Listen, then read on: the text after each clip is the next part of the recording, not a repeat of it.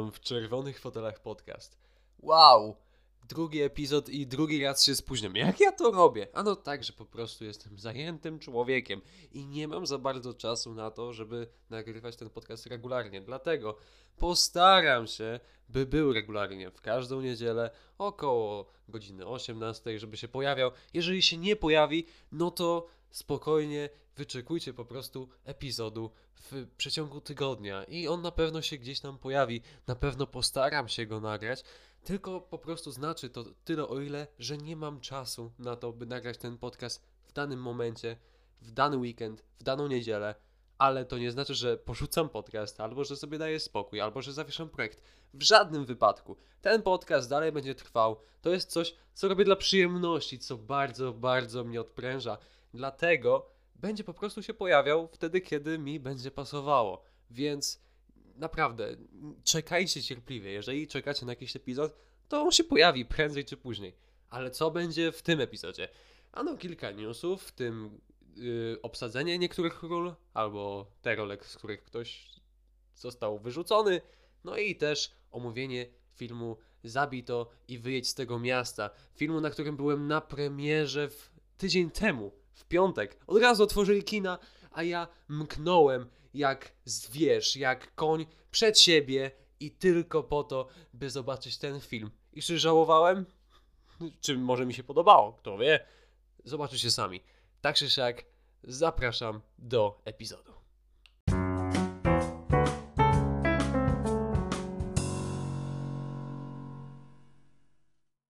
W dzisiejszych czasach strasznie łatwo o stracenie pracy przez to, co wypisujemy w sieci. Wystarczy kilka kliknięć i już można sprawdzić, czy byliśmy grzeczni, czy też trochę nie. Z tego właśnie powodu Gina Carano, znana z roli Cara Dune w serialu The Mandalorian od Disneya, straciła pracę i już tej roli nie zagra. Ba, nie tylko nie zagra, ale Disney usuwają wszędzie. Czy to zabawki, plakaty, ilustracje, reklamy, cokolwiek.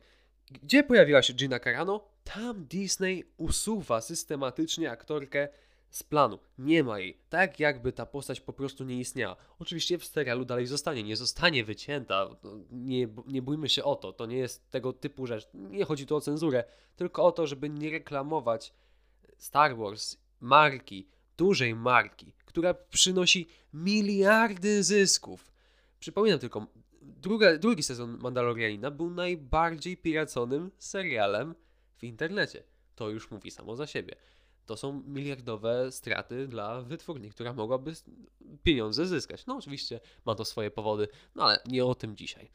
Od dzisiaj porozmawiamy o tym, dlaczego łatwo stracić pracę w mediach. Jeżeli jesteśmy osobą medialną, to musimy bardzo uważać na to, co piszemy i mówimy. Szczególnie, jeżeli jesteśmy osobą medialną, bo już uważać musimy nawet teraz, kiedy jesteśmy zwykłym szaraczkiem w korporacji. Tam już pracodawca może wyciągnąć na nas jakieś brudy i wykorzystać to, żeby po prostu nas zwolnić. Oczywiście mówię tutaj o brudach, które są uzasadnione, gdzie rzeczywiście zasłużyliśmy na to, by nas zwolnić przez wpisy, przez to, co robimy, czy coś jest na przykład nie na miejscu, albo po prostu kogoś obrażamy w internecie. No to też da się, da się łatwo sprawdzić. Więc do takiej właśnie sytuacji doszło z Giną Carano, która no nie do końca umiała zachować się w internecie. No ale o cóż to chodzi? Zaczęło się to już wcześniej, kiedy zaczynał się COVID-19 i no zbagatelizowała COVID-a, mówiąc, że y, nie ma go i noszenie maseczek ochronnych w czasie epidemii y, to jest głupi obowiązek i nie można, bo to jest wielka mafia i to jest głupie, więc i wtedy jeszcze nie została zwolniona. Jakby już przyjrzyjmy się, że to jest taka wypowiedź dosyć kontrowersyjna i gdyby ktoś inny to powiedział, ktoś powiedzmy bardziej znany, no to w tym momencie ta cała odpowiedzialność zostałaby wyciągnięta. Myślę szybko. No ale Disney wyciągnął do niej rękę, powiedział tylko po prostu nie rób tego. Nie wypisuj takich rzeczy, nie mów. No i okej, okay, nie wypisywała. Ale to trzeba wypisać dalej, że wybory Trumpa są nieważne, że te wybory były sfałszowane i że trzeba je powtórzyć i że Trump wygrał wybory. No i no znów Disney wyciągnął do niej rękę, mimo tego, że dalej gadała głupoty. No ale powiedzmy, że są to takie dosyć nieszkodliwe głupoty. Oczywiście jest osobą medialną, jest osobą rozpoznawalną, więc każde szerzenie tego typu rzeczy jest szkodliwe. Tak jak to było na przykład u nas na naszym rodzinnym podwórku z Edytą Górniak, która to mówiła, że e, szczepionki na COVID to jest jedna wielka mafia i ona sobie nic nie wszczepi i tego typu wypowiedzi. No, głupota straszna, ale jednak jeżeli ktoś jest rozumny, no to umie odróżnić głupotę od prawdziwych, rzetelnych informacji. A to myślę, że jest jeszcze mniejszą trochę głupotą, że wybory są sfałszowane, gdzie wszędzie mamy informację, że nie, nie, nie były sfałszowane. Znaczy, zależy jak na to patrzeć, bo Trump trochę maczał, próbował maczać palce przy wyborach na swoją korzyść, ale to już mniejsza, naprawdę mniejsza. I do tego też Disney się nie ustosunkował radykalnie. Tutaj też wyciągnął do niej rękę, mówiąc, że okej, okay, proszę, proszę nie rób tego tak więcej. Nie rób takich rzeczy. No i Gina Carano, okej, okay, ustosunkowała się. No ale potem znów zaczęła rozrabiać, kiedy to na, zmieniła status swojego, swojej tożsamości na bip bop bup. No i oczywiście haha, żart, no bo osoby transpłciowe, no to ja sobie też zmienię i teraz będę bip bop bup i się utożsamiam jako bip bop bup. No, oczywiście jest to obraźliwe wobec osób, które czują się jako kobieta, czują się jako mężczyzna i po prostu szczerze tak uważają. No i haha, śmieszne, bo teraz bo utożsamię się jako helikopter. To jest żart tego kalibru. No, nieśmieszny strasznie, nikogo nie bawi, ale powiem, bo haha, śmieszne. No nie jest. I po tym wpisie powstał wielki hashtag Fire Gina Carano, gdzie osoby transpłciowe i popierające LGBT i, wszy, i wszyscy, dosłownie wszyscy, zaczęli y, kancelować w cudzysłowie to, no, tą aktorkę, bo no, tego typu wpisy no, nie powinny być dopuszczane i no, to przelało czarek goryczy. Tutaj Disney już nie mógł pozwolić sobie na to, żeby fani po prostu masowo uciekali i bojkotowali serial, w którym występuje Gina Carano, przez jej wpisy. To są miliardowe straty, jak już mówiłem, dla wytwórni, jeżeli jednak nie dostaną tych pieniędzy, które mogliby dostać od potencjalnych odbiorców. Więc zwolnili Ginę, bo to jest najwygodniejsza i najbardziej logiczna sprawa. Jeżeli chcesz zarabiać, no to usuwasz wszystko, co ci stoi na drodze do tego zarabiania. A w tym wypadku jest to aktorka, która swoimi głupimi wpisami psuje PR. Ktoś może powiedzieć, bo takich wpisów jest dużo. Szczególnie w Polsce, że ach, bo ta poprawność polityczna, bo, to, bo ta cancel culture. I tak, ja jestem przeciwko cancel culture, bo przez to wiele osób może po prostu stracić pracę, stracić e, swoje, swoją godność i w internecie, jak i na żywo, nie mając nawet często okazji, żeby przeprosić. To jest złe i należałoby trochę z tego odchodzić. Jednak ma to też swoje pozytywy. Otóż dzięki temu sprawy tak ważne, że ktoś na przykład coś zrobi, że ktoś powie coś głupiego, coś ktoś źle napisze w internecie, znaczy źle, po prostu coś głupiego, no to to jest nagłaśniane i wtedy można szybko reagować, można szybko uświadamiać ludzi, co robić, czego nie robić, żeby się tak nie zachowywać, żeby nie naśladować tego typu ludzi, bo to są celebryci, którzy wpływają jednak na świadomość innych.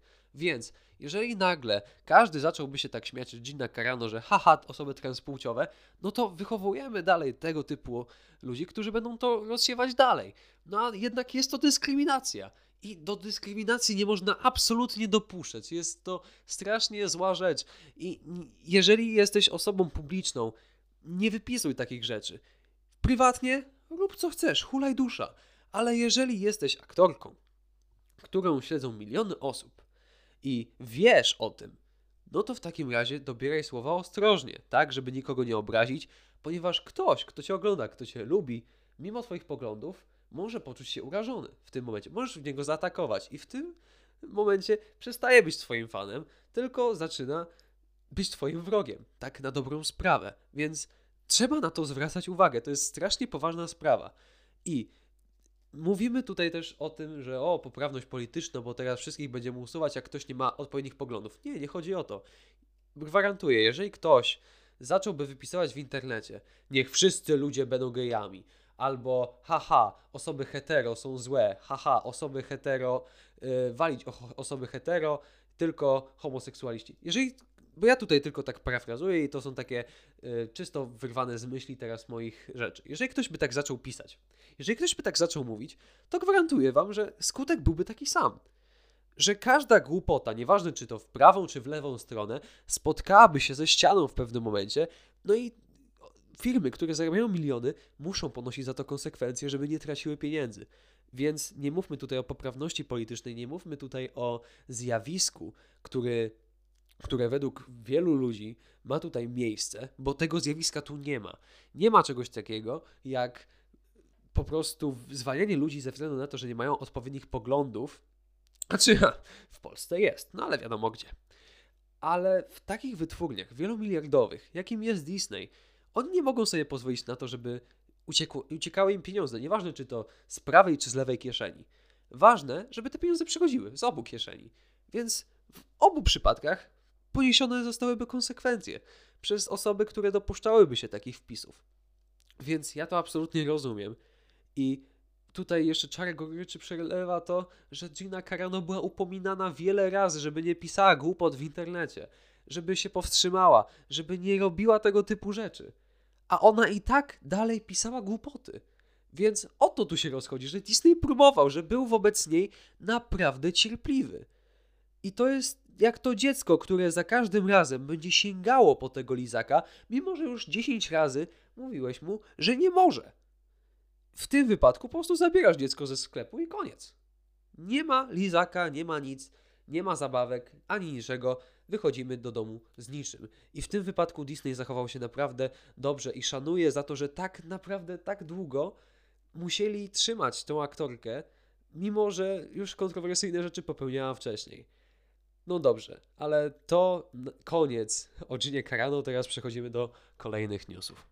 Dzisiaj, dokładnie dzisiaj, czyli 18 lutego tego roku o godzinie 18 trafił nowy trailer do sieci filmu Mortal Kombat. Warner Bros użyczyło nas nową produkcją, która trafi do kin w Ameryce, jak i też w Ameryce w sumie do HBO Max. No i co ten trailer nam serwuje? Wszystko, moi drodzy. Ten trailer ma wszystko, czego ja chcę. Jest fantastyczny. Jestem fanem filmu z 95 roku. Ja wiem, że niektórzy uważają go za słaby, gówniany, za zły. Nieważne, ja go kocham za to, jak on jest prosty, jak on pieczołowicie sprowadza te postacie ze świata gier do filmu. I tutaj będzie dokładnie to samo. Jest dokładne przeniesienie postaci z gier do filmu. Oczywiście pojawia się tam nowa postać, której nigdy nie było w grach, która będzie prawdopodobnie głównym bohaterem, ale dalej widzimy Sonię, jest Kano, jest Sub-Zero, jest Scorpion, jest Kung Lao, jest Liu Kang. Oni wszyscy tu są, ja ich widzę i mi się cieszy morda, bo ja wiem, co mnie czeka. Czeka mnie po prostu świetna zabawa przy świetnym filmie. On nie musi być nawet dobry. On będzie dla mnie dobry, bo ja jestem fanem Mortal Kombat i ja chcę dostać to, czego ja oczekuję od Mortal Kombat. Szczególnie, że fabuła, ta, która pojawia się teraz w grach, jest naprawdę kompetentna. Ja radzę, naprawdę radzę spojrzeć na cinematiki, czyli na przerwniki filmowe w grach od części 9 do części 11, jak ta fabuła jest dobrze poprowadzona, jak ta mnogość postaci nie przeszkadza totalnie w tym, żeby je rozwijać, żeby tworzyć między nimi relacje. To nie są tylko worki treningowe, to są kompetentne postacie, które mają emocje, które y, tworzą sojusze, które współpracują, które zdradzają, które biją się między sobą, ale po coś się biją? Czujesz tą wagę sytuacji, która tam narasta, że to Mortal Kombat tam jest po coś. I teraz, po rozszerzeniu tego świata, po tym jak ten świat teraz funkcjonuje, że już nie chodzi tylko o to cholerny Mortal Kombat, tylko coś więcej.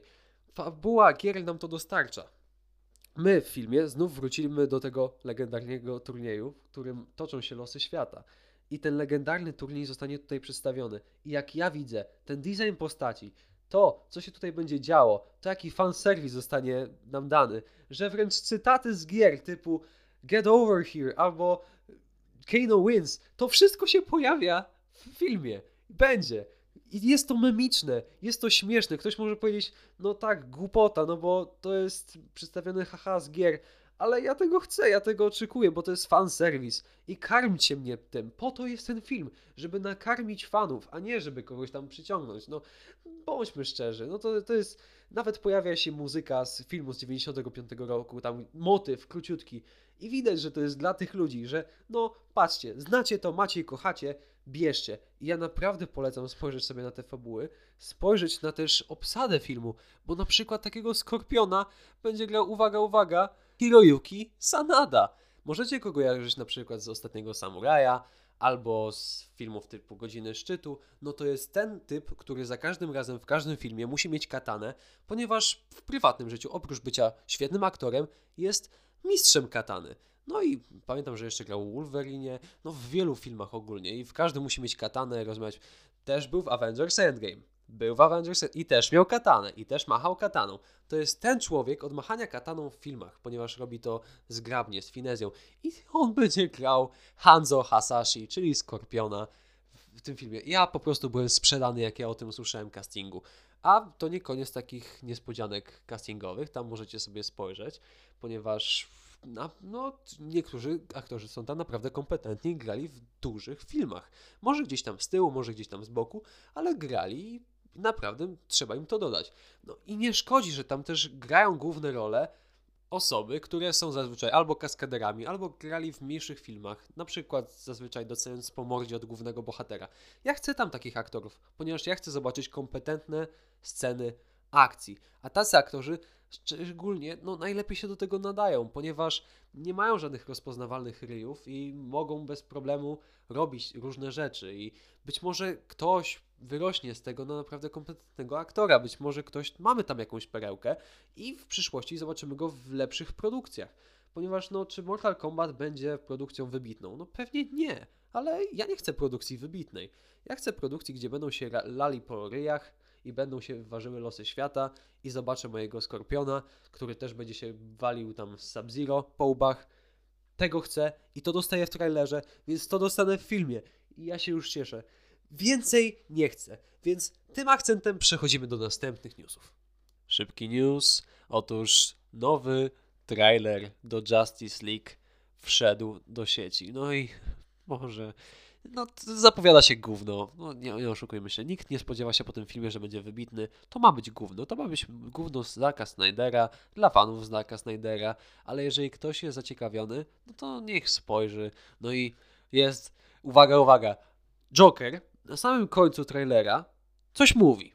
Mamy Jokera w Justice League, no to to już nieważne, ale zobaczcie sobie ten trailer.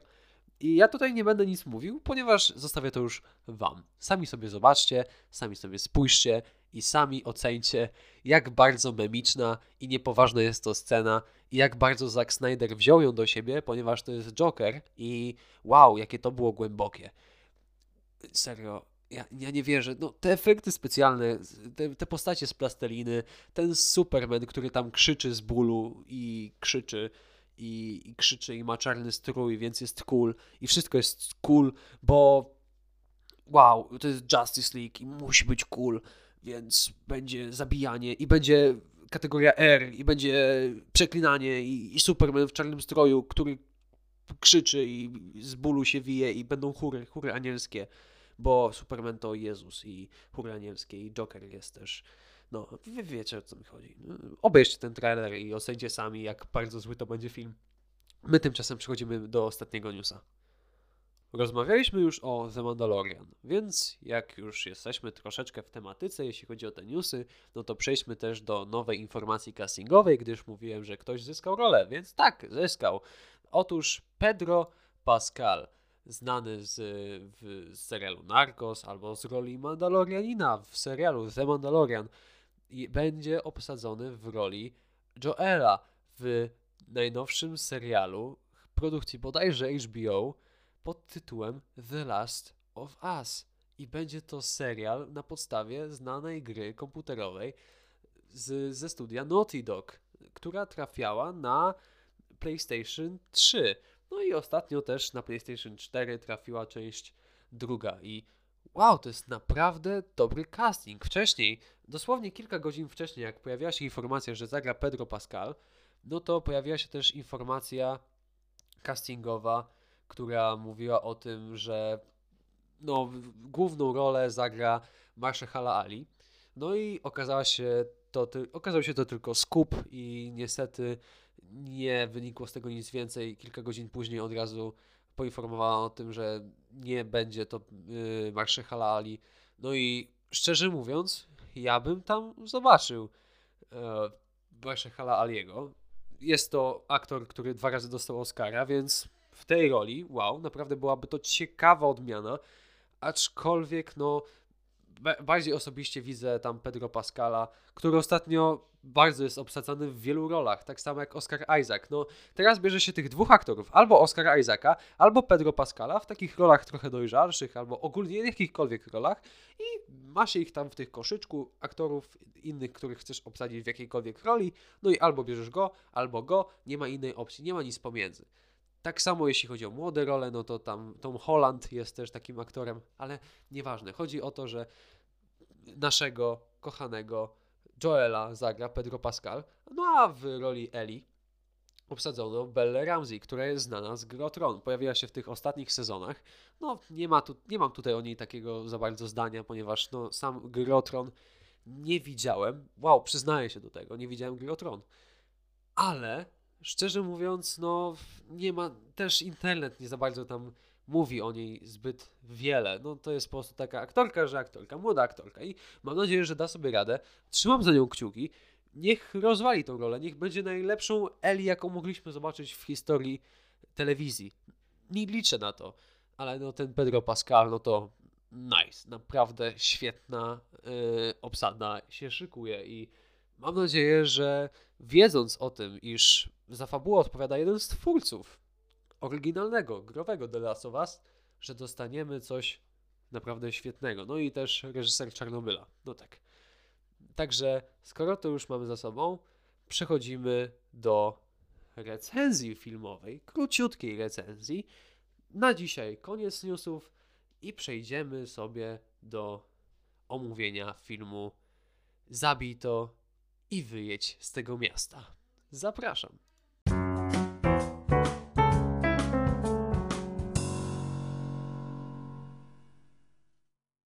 Otworzono kina na dwa tygodnie. Wiadomo, jest to śmieszny czas i nie dziwię się, że wiele kin po prostu się nie otwiera. Otwierają się te raczej małe, kameralne kina, które po prostu muszą zarobić i zazwyczaj nie serwują popcornu, napojów. Czasem tak, ale też bez tego mogą się obejść. Tutaj chodzi raczej o to, żeby po prostu zarobić, żeby utrzymać to kino w dalszym ciągu. Ja udałem się do Gdyńskiego Centrum Filmowego, które zostało otwarte już w piątek, E, kiedy już można było otwierać te kina. I udałem się na film razem z przyjaciółką, Alicją, na e, animację polską pod tytułem Zabito i wyjedź z tego miasta. I wow, nie chcę wam mówić za dużo o tym filmie pod względem fabularnym, gdyż też za bardzo się nie da. Jest to film dosyć artystyczny i rozumiem, że komuś może się nie spodobać forma, ktoś może nie zrozumieć, co się tam za bardzo dzieje, ponieważ jest to film, na który należy pójść dwa, trzy razy, żeby zrozumieć i żeby w pełni pojąć głębię obrazu, który się dzieje. O co ogólnie rozchodzi się w tym filmie? Jest to spojrzenie na Polskę, na świat i na życie i śmierć, na kruchość tego życia, na kruchość śmierci, na to, jak społeczeństwo odbiera niektóre rzeczy i jak społeczeństwo wygląda to teraźniejsze i to za czasów PRL-u. Na to drugie też jest dosyć mocny nacisk. I widzimy tutaj takie zderzenie się tego świata, że reżyser jest jednocześnie tym bohaterem, jest tym obserwatorem, który w roli olbrzyma, dosłownie, nie żartuję tutaj, ani nie parafrazuję, tylko dosłownie tam jest jako olbrzym, reżyser obserwuje ten świat. Jest narratorem, który przedstawia nam swoim obiektywem, swoim okiem, to, co my widzimy na co dzień. I patrząc na ten film, patrząc na te obrazy, po prostu widzimy i wytykamy palcem i mamy takie, o, okej, okay, widzieliśmy to, znam to, tak faktycznie się dzieje, tacy są ludzie. I ja miałem tak cały czas. Cały czas miałem wrażenie, że ja już gdzieś widziałem tego typu zachowania, ja znam ten typ człowieka, że to się wydaje takie swojskie i rzeczywiście jest, że dalej te stereotypy niektórych ludzi, których spotykamy na swojej drodze, tutaj są utwierdzone i jest to tak prawdziwe, jest to tak żywe, po prostu wchodzisz do tego kina, oglądasz ten film i czujesz się jakbyś nie wszedł do tego kina, jakbyś dalej był na ulicy, czy tam w autobusie, czy w tramwaju, czymkolwiek jedziesz, cokolwiek robisz, na czymkolwiek ty chodzisz, to widzisz tych ludzi, obserwujesz ich z perspektywy widza. Tak jest i gdy siadasz na przykład w autobusie, w tramwaju i obserwujesz ludzi, którzy jadą z tobą, jak się zachowują, co robią, z kim jadą, po co jadą, tak samo narrator przenosi to na sferę filmową. I nie dość, że przenosi to, to przenosi jeszcze swoje osobiste pobudki, yy, przenosi osobiste sprawy, które w filmie wybrzmiewają niesamowicie. Jest to też historia jednocześnie przyjaźni, tego jak zaniedbujemy niektóre relacje, tego jak wiele moglibyśmy powiedzieć, tego jak wiele chcemy powiedzieć, ale ta kruchość życia nam nie pozwala, że ta cienka linia pomiędzy życiem a śmiercią, że tak łatwo ją przerwać, a gdy już zostanie przerwana, to nie ma odwrotu i nie mamy potem już szansy, by cofnąć czas i by na przykład powiedzieć coś osobom, które kochamy, które szanujemy, z którymi się przyjaźnimy też, że nie ma już szansy, by cofnąć niektóre rzeczy, by powiedzieć o słowo więcej, na to już nie ma czasu. Zostało już tylko czekać albo na naszą kolej, albo opłakiwać te osoby i wspominać takimi, jakie były, bo niestety nie ma półśrodków. Widać, że reżyser wspaniale używa tutaj narracji i tak wiele rzeczy zmieści w tych półtorej godziny. To jest naprawdę standardowy czas jak na taką animację artystyczną. To jest krótki film a i tak dużo wątków zostaje tam poruszonych, gdyż wątek głównego bohatera, no w sumie jest ich dwóch. Jednym z głównych bohaterów jest sam twórca filmu, jak już mówiłem, wielki olbrzym, który obserwuje, który też sam uczestniczy w tym życiu. No i też kobieta, która ma męża, która ma dziecko i też obserwuje. Też ma swoje problemy i to wszystko jest ze sobą zazębione, to wszystko jest połączone i jednak narrator i w tym wypadku też reżyser łączy te dwie sfery. Łączy ten świat tej kobiety, tej głównej bohaterki z sobą, tak, żeby to wszystko było płynne, żeby to było naturalne, żeby ten świat, który obserwujemy, to miasto, y, Łódź, to w tym wypadku to jest Łódź, to żeby to wszystko się zazębiało, że to wszystko żyje i jest jednym, że to jest jedno wielkie uniwersum, w którym dzieją się rzeczy, i które obserwujemy. Do tego ten opis społeczeństwa, który tam występuje, to jest majstersztyk. To jest absolutna topka, jeśli chodzi o obserwację otoczenia i opis tego, co się widzi.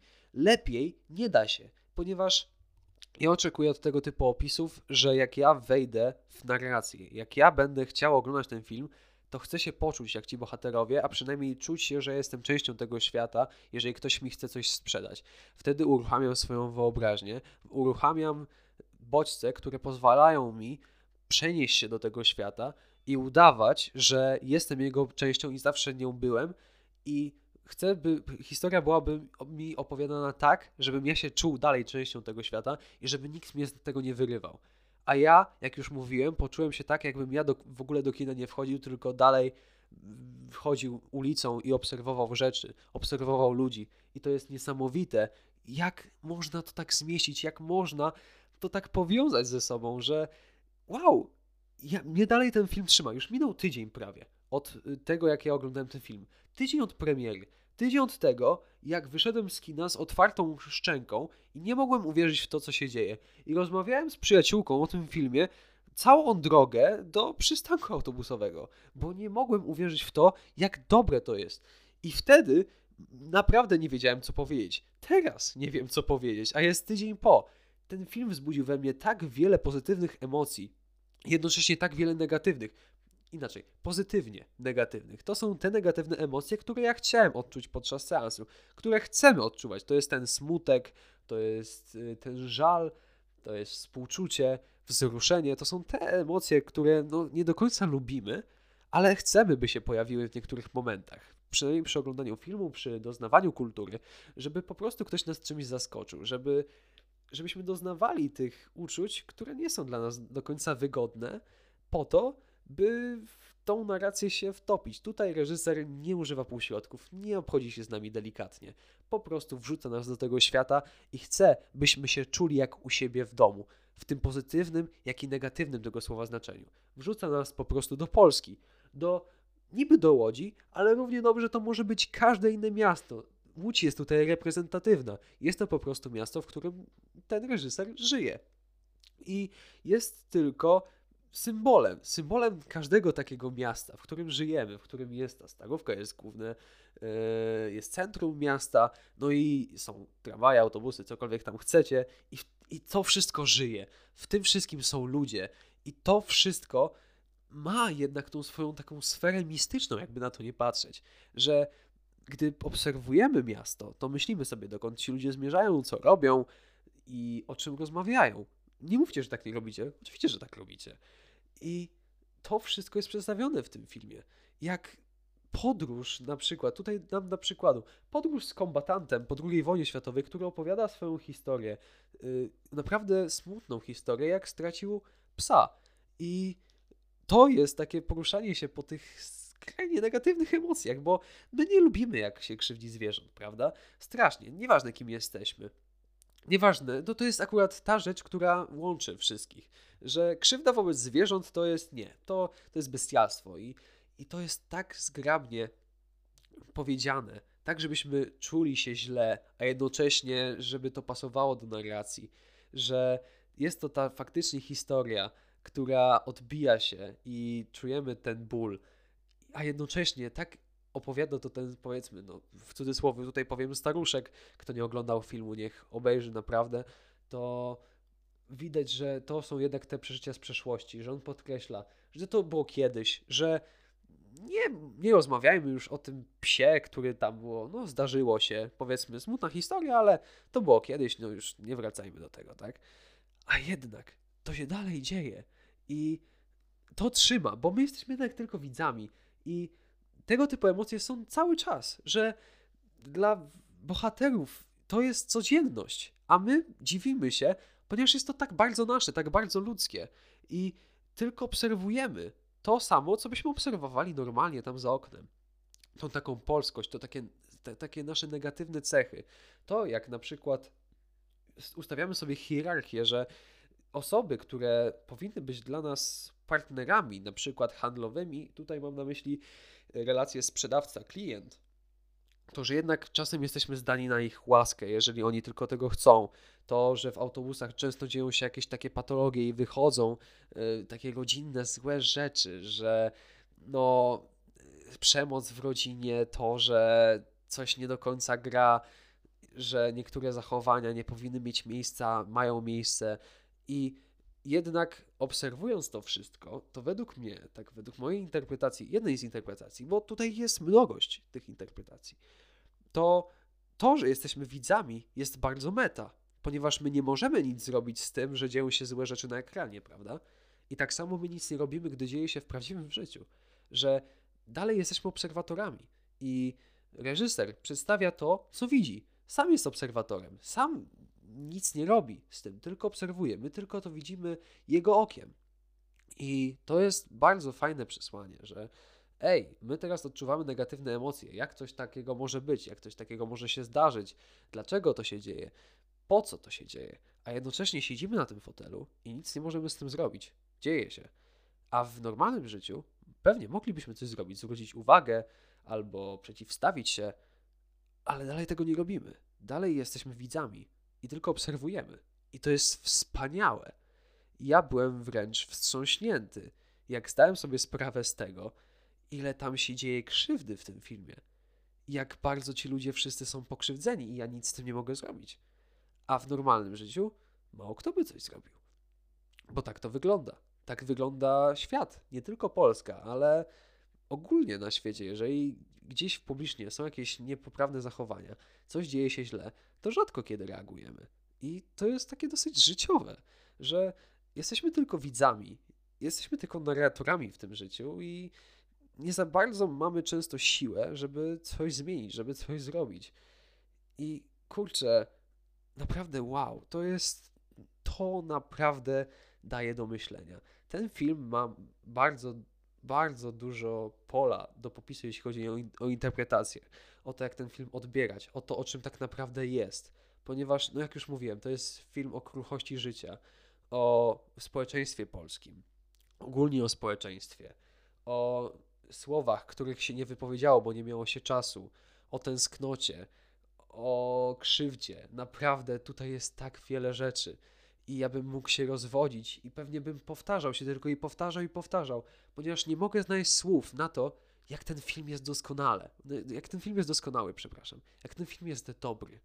Jak doskonale zostało oddane to życie, w którym my wszyscy bierzemy udział cały czas. I kiedyś przestaniemy. I ten film też o tym opowiada. Wspaniałe. I nawet porusza życie pozagrobowe w pewnym sensie. Jest to cudowne, metafizyczne, a jednocześnie tak przyziemne. Tak bardzo symboliczne, a jednocześnie tak bardzo dosłowne. Tego typu filmy po prostu wow, wpijają mnie w fotel. Jestem wstrząśnięty, zachwycony i do tego momentu, nawet do teraz, chcia, nie wiem co powiedzieć, żeby mówić o tym filmie aż tak dobrze. Do tego obsada aktorska. Przypominam, jest to animacja. Obsada aktorska, dubbingowa, to jest absolutna śmietanka, jeśli chodzi o polskie aktorstwo. I Krystyna Janda, Anna Dymna, to są tylko niektóre nazwiska, które tam się przewijają. I wow, jak oni dobrze to grają, jak oni dobrze oddają tą taką polskość. Widać, że reżyser dobrze ich poprowadził, że powiedział im: Dobra, tutaj będzie Polska. Tutaj absolutnie bez trzymanki robimy y, historię o życiu, o śmierci i o tym już o czym Wam mówiłem. Nie będę się powtarzał.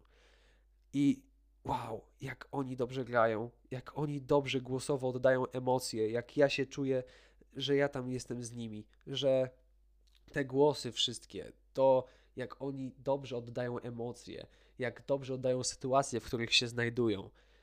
To jest po prostu mistrzostwo świata. A jeszcze innym mistrzostwem świata jest kreska i jest styl graficzny, w jakim ta animacja jest stworzona. Ktoś może powiedzieć brzydkie. Takie ma być. Ta brzydota animacji, taka, to jest nieporządna kreska, jaka ona jest niedokładna, to jest wartość dodana. A nie dojść do tego, no to po prostu jeszcze dzięki tej brzydkiej kresce film może bawić się formą, może mieszać ten świat rzeczywisty, dosłownie, z światem animacji. To, jak można przesuwać kartonami i dodasz tylko dźwięk pociągu albo czegoś tam i, wi- i wierzysz w to, że to jest pociąg, wierzysz w to, że to jest tramwaj i że jedzie ten tramwaj. Mimo tego, że to jest karton i latarka pewnie i ludzie narysowani wewnątrz, ale wierzysz w to, czujesz to. I ta kreska, ta brzydka kreska może też być symbolem właśnie tej brzydoty świata, że ten styl graficzny jest nieporządny, jest niedoskonały. Tak jak życie jest niedoskonałe i to społeczeństwo, w którym się znajdujemy, też jest niedoskonałe. A jednak ten, ten, ten minimalizm mi się podoba.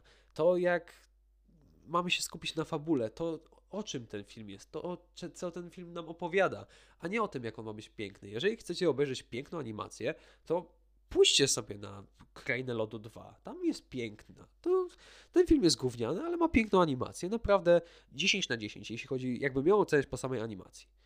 A ten film przedstawia coś więcej. On jest czymś więcej niż tylko animacją. To jest dzieło sztuki. I jeżeli komuś zechciałoby się na przykład teraz pójść do kina, bo jeszcze jest czas, jeszcze macie tydzień, żeby zobaczyć ten film.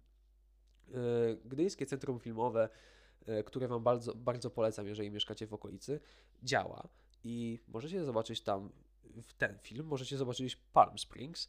Nie, nikt mi nie zapłacił za to, że Gdyńskie Centrum Filmowe reklamuje, ale chcę to zrobić dlatego, ponieważ należy wspierać kulturę. Nie wiadomo, kiedy te kina zamkną, już powiem słowem zakończenia. Nie wiadomo, kiedy kina zamkną znów. Może to będzie już za tydzień i może znów kina będą w kropce i będzie trzeba przyzwyczaić się do tego, że znów nie będziemy mogli się udać. Więc nie wiadomo, kiedy będzie dobra okazja znów, żeby pójść na takiego typu seans. I naprawdę polecam Wam ten film.